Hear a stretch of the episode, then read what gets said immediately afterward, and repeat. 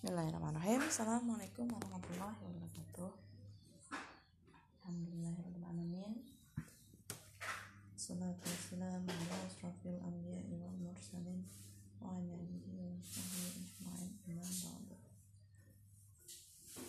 Puji syukur kepada Allah subhanahu wa ta'ala. Sehingga di kesempatan kali ini kita bisa berkumpul bersama ya Meskipun dalam media dan kita bisa duduk kemudian berkonsentrasi gitu ya fokus pada kuliah kita di kesempatan kali ini. Ya baik teman-teman. Hari ini saya akan melakukan salah satunya ya agendanya adalah pembahasan terkait eh, materi diskusi yang pekan kemarin sudah ditanyakan semoga dari sini teman-teman semua sudah dari bahan bacaan yang kalian cari yang kalian carikan gitu ya yang kalian olah gitu semoga bisa mendapatkan insight gitu. Nah di sini saya akan menambahkan uh, satu materi gitu ya. Artinya ini untuk melengkapi gitu untuk melengkapi mungkin dari eh, temuan-temuan yang sudah teman-teman semua temukan terkait dengan isu-isu dalam pengukuran intelijensi dan perubahan intelijensi itu sendiri. Apakah sifatnya stabil atau sifatnya menetap seperti itu. Nah kemarin di kasus itu ada contoh kasusnya adalah seorang ibu yang datang gitu ya untuk konsultasi mengenai anaknya yang umurnya masih enam bulan menunjukkan tanda-tanda perkembangan motorik yang agak terlambat. Nah pertanyaannya eh, bagaimana nih anak saya ini? Apakah anak saya terbelakang? Bisa berubah IQ-nya atau enggak? Bisa mengikuti pelajaran di SD atau enggak? Seperti itu. Nah dari hasil yang sudah teman-teman uh, jelaskan ya di bagian diskusi ada sebagian yang menjawab uh, ya berbagai macam gitu ya. Artinya memang ada yang menyatakan bahwa anaknya terbelakang ada yang menyatakan anaknya tidak gitu ya tapi mana sih yang betul ya kita lihat di sini bagaimana terkait terkait EQ-nya nanti baru kita bisa menentukan apakah dia termasuk yang terbelakang atau tidak gitu. Kita lihat dulu terkait isu dari si IQ itu sendiri gitu. Oke, sebentar saya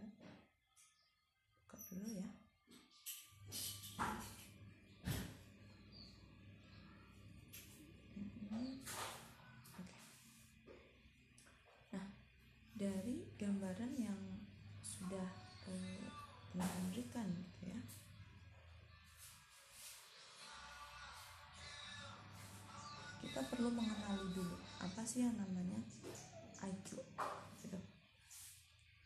Beberapa pertemuan lalu kita sudah membahas ya bahwa IQ adalah apa? Lebih ke satuan untuk menyatakan intelijensi seseorang ya nggak? Nah kita kembali ke konsep intelijensinya. Jangan hanya berkutat pada IQ-nya saja tapi kita lihat konsep intelijensinya itu sendiri itu seperti apa pertemuan sebelumnya kita juga sudah membahas ya bahwa intelijensi itu memang ya agak sulit didefinisikan akhirnya.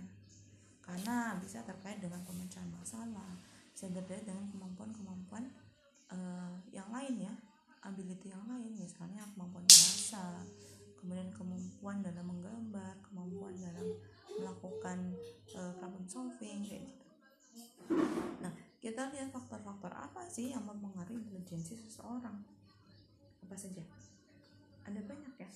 Ada beberapa hal yang bisa mempengaruhi uh, intelijensi. Tapi yang kita bisa membagi dua yang utama yaitu internal dan eksternal. Internal itu apa? Ya bawaan ya atau keturunan. Bisa merupakan misalnya gen ya genetik. Dari orang tua. Bisa juga terkait dengan struktur otak. Misalnya struktur otaknya ya memang yang sudah bawaan dari dari Allah sudah diberikan seperti itu ya terberinya atau memang misalnya bayi prematur kan beda ya bayi prematur yang masih berusia 7 bulan lahir beda dengan perkembangan otak pada bayi yang e, lahir di 9 bulan. Nah, itu struktur otak dan proses pematangannya nah, juga berbeda. Nah, itu juga bisa menjadi faktor yang mempengaruhi intelijensi. Kemudian apa? Lingkungan. Bisa merupakan lingkungan keluarga, bisa merupakan lingkungan pendidikan, dan lain-lain. Misalnya yang keluarga, misalnya ya tadi pendidikan orang tuanya, dan suasana intelijensinya di rumah itu seperti apa. Pendidikan bisa dari kualitas sekolahnya seperti apa, kualitas gurunya seperti apa, proses belajar mengajarnya, dan yang lain-lain itu misalnya teman, komunitas, lingkungan fisik. Bagaimana dia berinteraksi terhadap teman, bagaimana temannya mempengaruhi, memberikan stimulus tentang intelijensinya? Seperti itu. Ya, kita coba bahas satu persatu. Nah, jadi dari uh, eh, IQ atau intelligence quotient anak gitu ya bisa dari dipengaruhi dari beberapa hal bisa genetik ya komposisi komposisi dari si genetiknya anak itu seperti apa jadi di gen di gen itu sendiri kan memang ada susunan susunannya ya nah bagaimana susunan genetiknya itu loh yang mempengaruhi si IQ-nya itu yang dari internal ya. termasuk tadi proses pematangan struktur otaknya itu seperti apa ya. kemudian keluarga IQ dan pendidikan dari orang tuanya kualitas lingkungan rumahnya seperti apa? Dari heritability atau keturunan itu menunjukkan seberapa besar variasi suatu eh, trait tertentu dalam populasi. Artinya populasi gini kita itu hidup di era abad berapa 21 yang secara populasi anak-anak zaman now anak-anak zaman sekarang memang uh, secara rata-rata punya IQ yang lebih tinggi dari IQ orang-orang di zaman tahun misalnya 90-an atau tahun uh, 70-an seperti itu. Beberapa riset menunjukkan. Jadi ada peningkatan skor IQ secara rata-rata secara populasi gitu. Makanya kan sering bilang wah anak zaman sekarang pinter-pinter itu ya itu memang secara keseluruhan juga populasi secara populasinya uh, meningkat gitu. Bukan hanya masalah variasi individual. Nah itu dari mana? Dari misalnya gizi. Makanan-makanan yang sekarang kan sudah lebih banyak uh, lebih mudah didapat. Gizinya juga lebih bisa terpenuhi.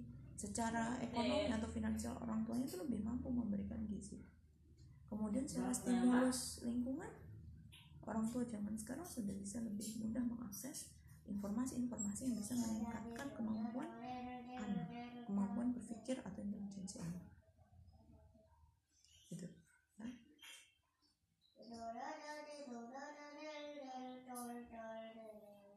nah di penelitian uh, orang yang kembar tetap bisa punya faktor uh, genetiknya kan yang mirip ya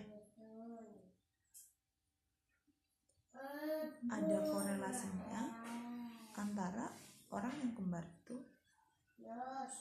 dengan IQ yang juga relatif sama. Yang diwarisi itu gennya teman-teman. Sekali lagi gen yang berkaitan dengan intelijensi bukan IQ gelondongan IQ gitu skor IQ nya bukan bukan itu yang diwariskan tapi lebih ke gen genetik gen seseorang yang terkait dengan terkait dengan intelijensi atau kemampuan kognisinya. Gitu. Yang diwariskan seperti itu. Pada anak kembar bisa jadi semak bisa jadi sama gitu. Kenapa? Karena semakin mirip gennya ya. Semakin sama gennya semakin tinggi korelasi IQ dengan individunya. Tapi kok ada kok yang eh, IQ-nya berbeda. Bisa jadi ketika apa? Ketika anak kembar itu dipisah. Lingkungannya yang satu tinggal dengan misalnya ada dua orang kembar. Yang satu tinggal di keluarga yang eh, keluarga bapak X. Kemudian yang satu di keluarga bapak Z gitu. Yang satu lebih eh, tadi faktor-faktor yang lain tuh lebih lebih baik gitu. Artinya suasana di rumah lebih banyak stimulus intelijensinya dibandingkan yang satu mungkin hanya dibiarkan saja dia tumbuh di sana nggak pernah diajak ngomong nggak pernah dilatih matematika nggak pernah diajarkan bagaimana eh, tadi stimulus-stimulus intelektualnya itu nggak ada. Sementara yang satu sangat diprioritaskan sangat diperhatikan stimulus terkait intelektual nah itu juga berbeda ya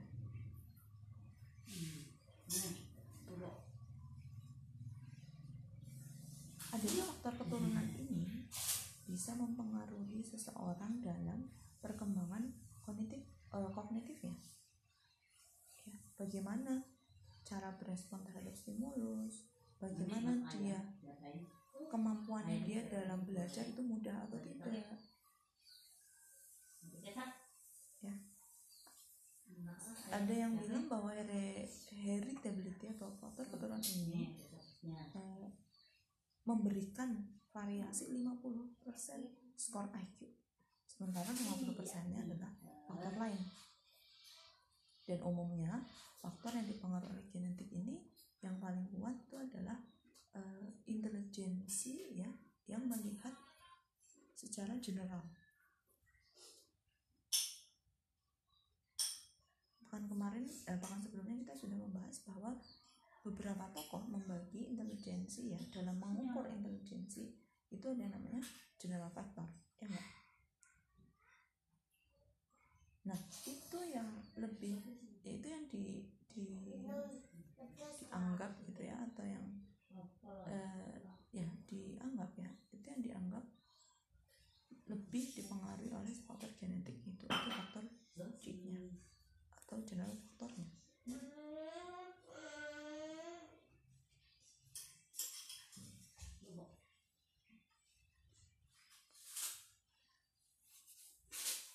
Nah, untuk anak-anak di usia dini ya. Itu sangat rawan gitu. Artinya sangat perlu diperhatikan perkembangan uh, di usia dini. Ada yang bilang kan, ingat tentang golden age. Golden age anak itu antara 0 sampai 5 tahun. Nah, di 0 sampai 5 tahun ini sangat perlu kita untuk bisa memberikan sebaik-baiknya stimulus dari kondisi prenatalnya misalnya ketika masih ada di kandungan kondisi ibu dan bayinya seperti apa sehat atau tidak gizinya tercukupi atau tidak gitu ya. Kemudian ketika ketika persalinan bagaimana kondisi bayi dan ibunya? Proses persalinannya lancar atau tidak? Apakah nanti ada anak yang kan ada katanya hmm, ya itu lah gosip-gosip terkait ini eh, kelahiran bayi yang eh, apa ketebalan ketelan lah misalnya gitu. Kemudian bagaimana ketika neonatalnya fungsi fisiknya berjalan sebagaimana mestinya atau tidak? Ada kerusakan di otak atau tidak? Seperti itu. Nutrisinya seperti apa? Di, selama di kandungan sampai dia di eh, setelah lahir gitu ya nah hal-hal ini tuh sangat berpengaruh gitu pada kemampuan berpikir atau intelijensi misalnya anak yang terkena pernah dengar kan orang eh, anak yang kena eh, virus tokso? Sejak lahir dia kena virus tokso. Nah akhirnya apa? Perkembangannya jadi terganggu setelah dia lahir. Tuh. jadi biasanya yang rawan itu memang ketika anak-anak eh, di kandungan dia ada virus kemudian di eh, orang tuanya meminum obat. Kemudian misalnya anak itu ya akhirnya detak jantungnya lamban kayak gitu. Artinya berbagai hal yang tidak wajar gitu ya tidak normal ketika semasa sejak masa-masa kehamilan ya. Sampai anak itu lahir berkembang apakah ada keterlambatan perkembangan atau enggak. Nah itu sangat perlu kita waspadai gitu. Dan ketika kalian misalnya nanti sebagai seorang psikolog gitu itu bisa melihat kira-kira IQ-nya anak ini masuk kategori mana ya. Nah itu tuh bisa dari riwayat perkembangan lahirannya anak. Gitu. Dari riwayat perjalanan uh, gizi kemudian kondisi kesehatan selama di kandungan maupun sampai lahir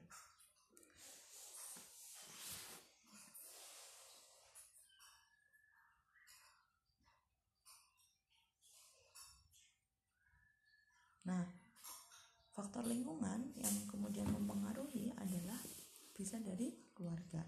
Nah, ya. Jadi e, dari faktor keluarga itu ada beberapa misalnya suasana intelektual, stimulasi intelektual, pemberian hukuman, faktor risiko keluarga. Nah, suasana intelektual itu apa sih?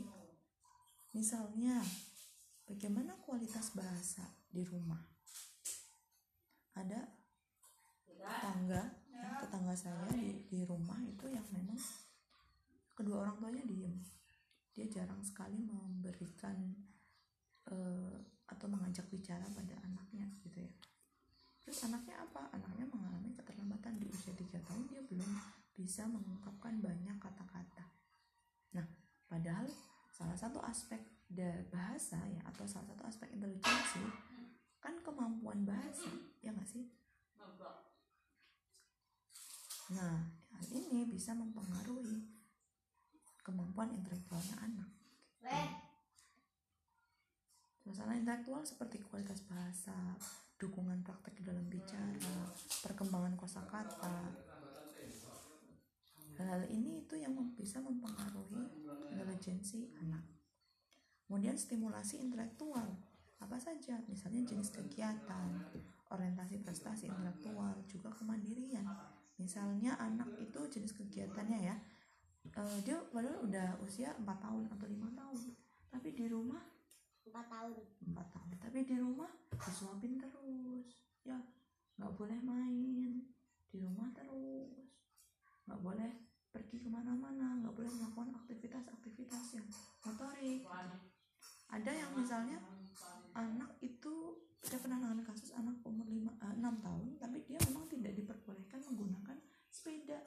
Nah makanya kemampuannya dia jadi terhambat dalam hal motorik dia juga boleh tidak. keluar tapi boleh keluar. Dia juga tidak boleh uh, melakukan aktivitas di luar rumah terlalu banyak.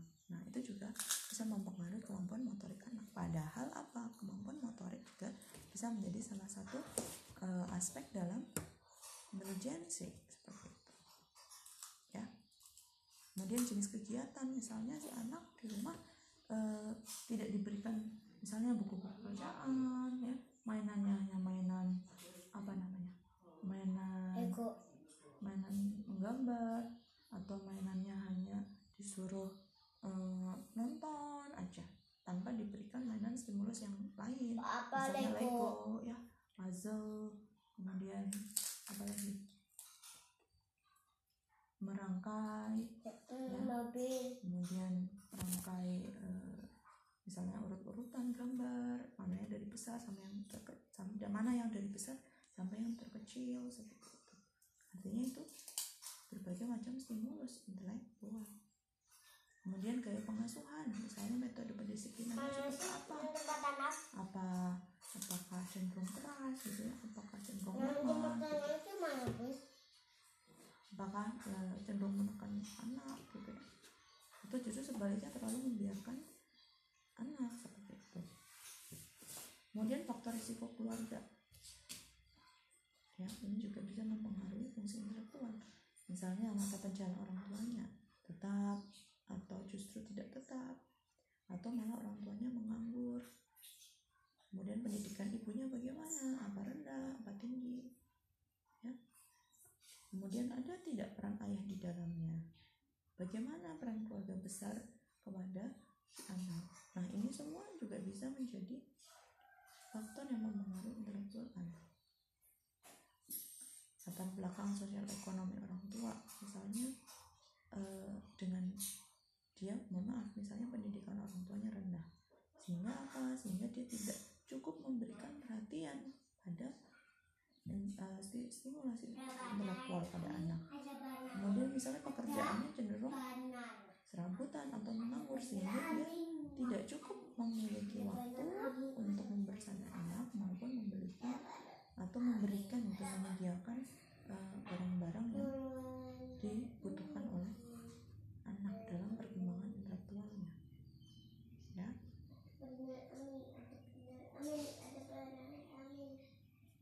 Nah yang lain adalah faktor-faktor kepribadian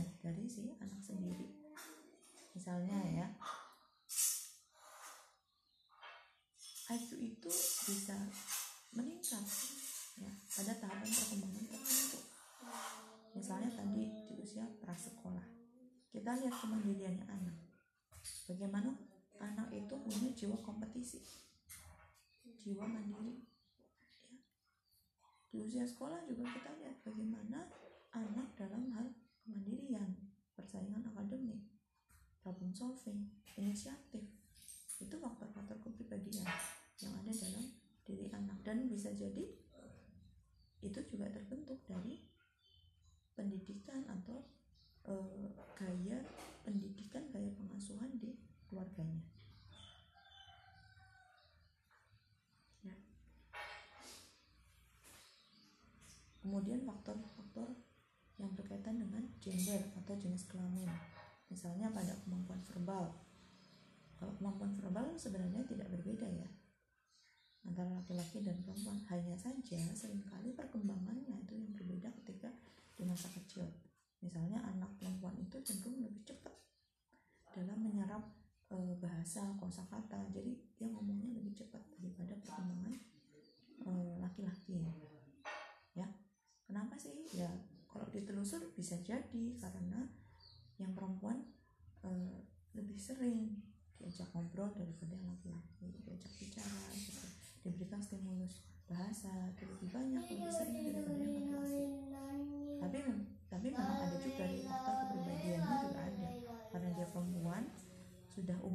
bahwa dia lebih cerawat misalnya. Seperti itu kemudian kemampuan spasial misalnya laki-laki lebih baik ya kemampuan spasialnya daripada perempuan. Ya sementara eh, kemampuan matematikanya misalnya pada laki-laki lebih bisa problem solving ketika di SMA maupun di perguruan tinggi. Sementara perempuan punya prestasi yang lebih baik misalnya ketika di SD atau SMP ya kenapa? Mungkin kalau ditelusuri karena faktornya dia yang rajin gitu. Perempuan kan biasa ya lebih ulet misalnya lebih tekun gitu dengerin apa kata guru gitu. Jadinya prestasinya lebih baik. Kemudian eh, dari faktor gender juga laki-laki menunjukkan prestasi yang lebih bervariasi misalnya dalam hal pengetahuan umum kemampuan kuantitatif kemampuan spesial, eh, spasial dan mengeja ya. Kesimpulannya apa dari ini semua? Bahwa intelijensi merupakan hasil interaksi ya. Tidak berdiri sendiri bukan hanya karena faktor internal saja ataupun faktor eksternal saja tapi merupakan suatu interaksi ya yang terkait yang dinamis gitu ya antara faktor internal dengan faktor eksternal. Bisa dari faktor internal yang genetik ya kemudian dari kepribadian dari si individunya terkait dengan gendernya terkait dengan gender si anak ataupun dari faktor eksternal bagaimana lingkungan psikososial baik di rumah baik di sekolah ya lingkungan pertemanan komunitas itu bisa mempengaruhi perkembangan intelijensi dari si anak kalau ditanya bisa uh, berubah atau enggak?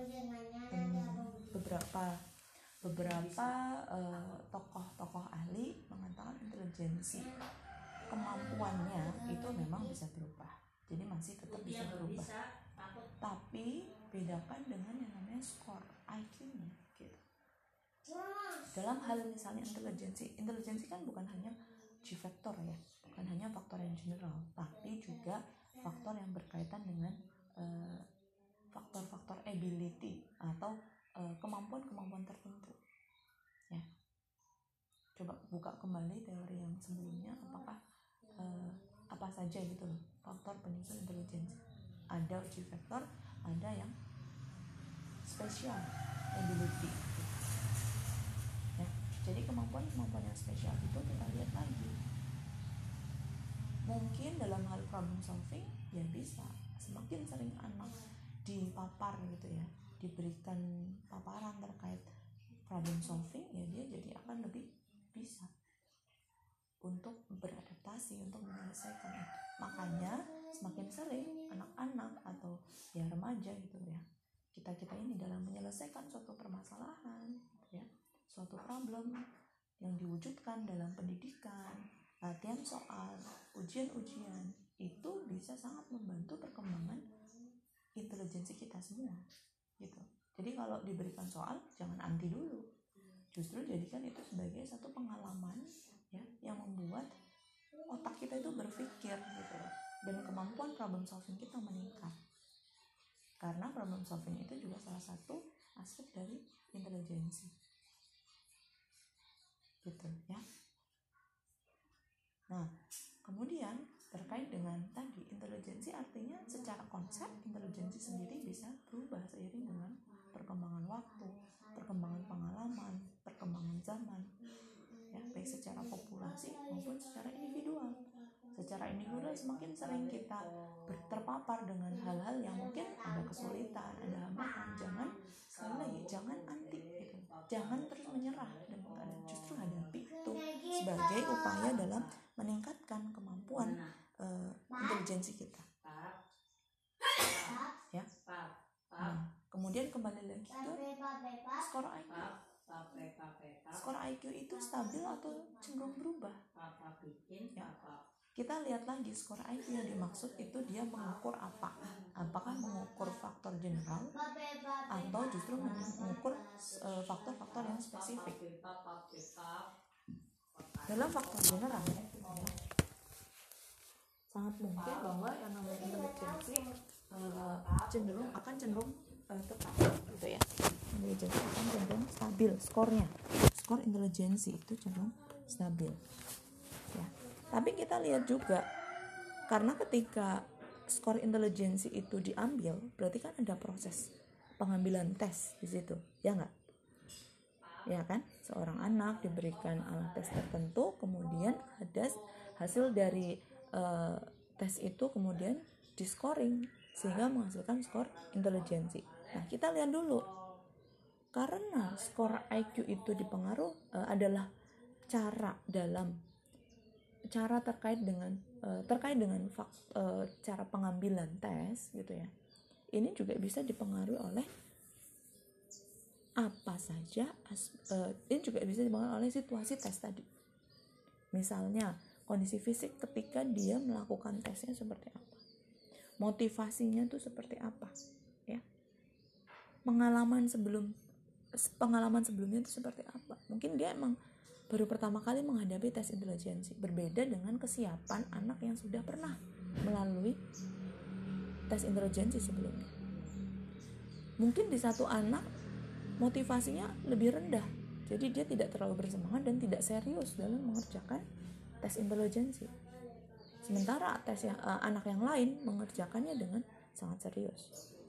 Dia sangat termotivasi, dia sangat uh, ingin hasil yang optimal dari si tes intelijensi itu. Ya. Kemudian aspek-aspek yang diukur. Mungkin yang satu mengukur uh, intelijensi dengan alat X. Misalnya kita katakan Cevit. Nanti kalian akan kenalan ya, apa sih itu Cevit gitu. Nah, yang satu diukur dengan Wessler misalnya gitu, WISC. Nah, itu kan dua alat tes yang punya tujuan tes yang berbeda. Sehingga aspek yang diukur berbeda, jenis itemnya beda, rentang waktu tesnya berbeda, ya. Scoringnya dan cara administrasinya juga beda. Nah, hal-hal ini juga bisa mempengaruhi adanya skor IQ. Kemudian pada soal itu dikatakan bahwa tes intelijensi atau perkembangan bayi eh, itu kan memang mengukur motorik ya. Kemampuan motorik itu bisa loh menjadi salah satu uh, indikasi gitu ya dalam mengukur intelijensi seseorang. Atau kita bisa melihat intelijensi seseorang yang salah satunya dari aspek si motoriknya itu. Motoriknya uh, berkembang sesuai dengan perkembangannya atau tidak? Ada keterlambatan atau tidak? Nah kalau ada keterlambatan perlu kita curigai juga. Di umur misalnya satu tahun anaknya belum bisa jalan. Wah warning nih. Di umur 2 tahun 3 tahun kok belum bisa jalan? Gitu. Kok dia belum merangkak misalnya? Jadi perkembangan motorik kasar itu bisa menjadi salah satu indikasi juga yang bisa kita lihat atau misalnya kok anaknya udah usia lima tahun tapi dia masih kaku. Motorik halusnya belum belum baik gitu. Belum bisa meremas belum bisa meronceng bisa belum bisa menjumput. Nah itu juga perlu kita lihat. Karena setelah perkembangan motorik kasar kita melihat juga perkembangan motorik halus yang ya. Ya. Kemudian kalau ada misalnya tes intelijensi ketika di usia prasekolah ini e, memang beberapa riset menyatakan ada kaitannya gitu ya antara kemampuan kognitifnya dengan hasil tes intelijensi prasekolah itu. Karena itu bisa menjadi e, salah satu prediksi prediksi intelijensi si anak di masa dewasa. Ya jadi sekali lagi bahwa perkembangan anak e, terkait intelijensinya itu bukan hanya ketika dia dewasa saja atau ketika dia sudah menjadi remaja. Justru ketika dia masih dalam kandungan. Pengaruh gizi kemudian stimulus suasana e, intelektual yang diberikan orang tua pengasuhan pola asuh itu semuanya berpengaruh pada intelijensi anak ya. Oke. Terkait dengan tadi ya di soal bahwa anak saya keterbelakang mental atau enggak gitu ya. Itu kita perlu melakukan tes secara mendalam dan juga asesmen mendalam untuk apa? Untuk bisa menegakkan satu diagnosa terkait keterbelakangan mental pada anak. Ini tidak boleh hanya didasarkan pada tes saja gitu. Apalagi hanya melihat uh, perkembangannya di motorik terlambat misalnya. Terus di, dikatakan keterbelakangan mental. Tidak juga. Kita perlu melihat. Dalam uh, seseorang yang memiliki keterbelakangan mental ya itu dia memiliki dua hal yang harus kita lihat. Yang pertama adalah kemampuan adaptif. Kemampuan adaptif itu yang biasa disebut uh, apa ya kalau di kita itu. Gambarannya gini perilaku adaptif atau kemampuan adaptif itu adalah kemampuan uh, seseorang ya dalam menjalani uh, fungsi-fungsi hariannya. Kayak tadi kemandiriannya kemudian uh, bagaimana dia sudah perkembangan motoriknya seperti apa? Berjalan atau berkembang sesuai dengan tahapannya atau tidak gitu. Ya. Kemudian dia di usia lima tahun sudah mandiri atau belum gitu. Jadi kemampuan-kemampuan yang terkait dengan harian kemampuan terkait dengan pendewasaan gitu. Ini biasanya diukur dengan alat ukur kalau teman-teman nanti ketemu namanya VABS atau Finland Adaptive uh, Adaptive Behavior Scale atau AMD American Adaptive Behavior Scale. AMD itu satu perkumpulan ya uh, yang membuat alat tesnya. Kemudian alat tesnya sebenarnya ABS atau Adaptive Behavior Scale. Ada Finland juga ada AMD jadi itu untuk melihat kemampuan adaptif si anak ya. Selain kemampuan adaptif ini yang perlu dilihat ketika anak itu keterbelakangan mental adalah fungsi kognisinya fungsi kognisinya seperti apa? Atau IQ-nya itu seperti apa? Apakah dia memang tergolong di bawah rata-rata? Kemudian terkait eh, tergolong di bawah Eh, rata-rata yang jauh gitu ya artinya yang punya disabilitas intelektual gitu atau tidak gitu. Atau dia sebenarnya IQ rata-rata atau IQ-nya bahkan tinggi. Nah kalau itu ya belum bisa kita kategorikan sebagai keterbelakangan mental karena IQ-nya masih bisa berfungsi mungkin dia kurang stimulasi makanya dia kemampuan adaptifnya masih rendah. Dia mungkin tidak diberikan kesempatan untuk melakukan aktivitasnya sehari-hari. Jadi di rumah dimanjakan sekali ya. Jadi dia tidak boleh ini, tidak boleh itu gitu. jadi dia tidak terlatih tapi secara intelektual ya bisa jadi dia memang mumpuni gitu nah itu kita harus melihat dua hal itu tadi kemampuan adaptif dan juga intelektual kemampuan intelektualnya untuk mengatakan bahwa seorang itu terbelakangan mental atau tidak. Ya. Sekali lagi skor IQ bagi sebagian tokoh itu memang cenderung relatif menetap. Artinya gini mungkin skornya itu rentang rata-rata ya misalnya 90 sampai rata-rata skor IQ kan yang tergolong rata-rata itu kan 90 sampai 110 artinya dia ada di satu eh, satu kategori yang sama. Tapi untuk skornya itu bisa bertambah sekitar 3 sampai 5 poin.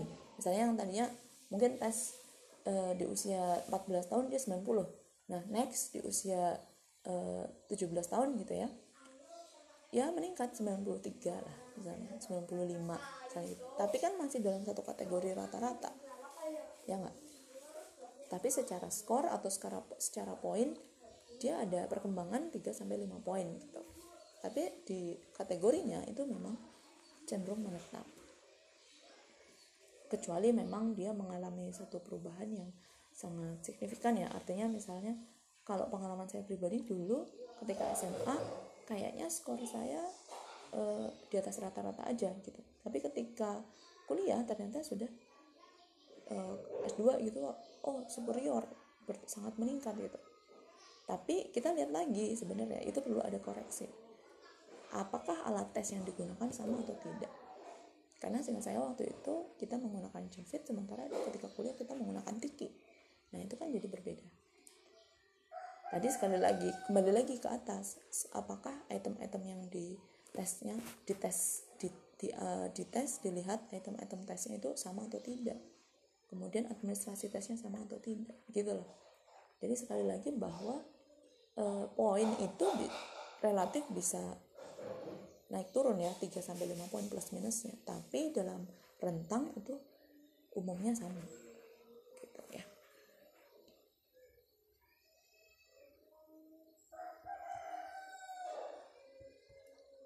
Oke kira-kira itu ya yang bisa disampaikan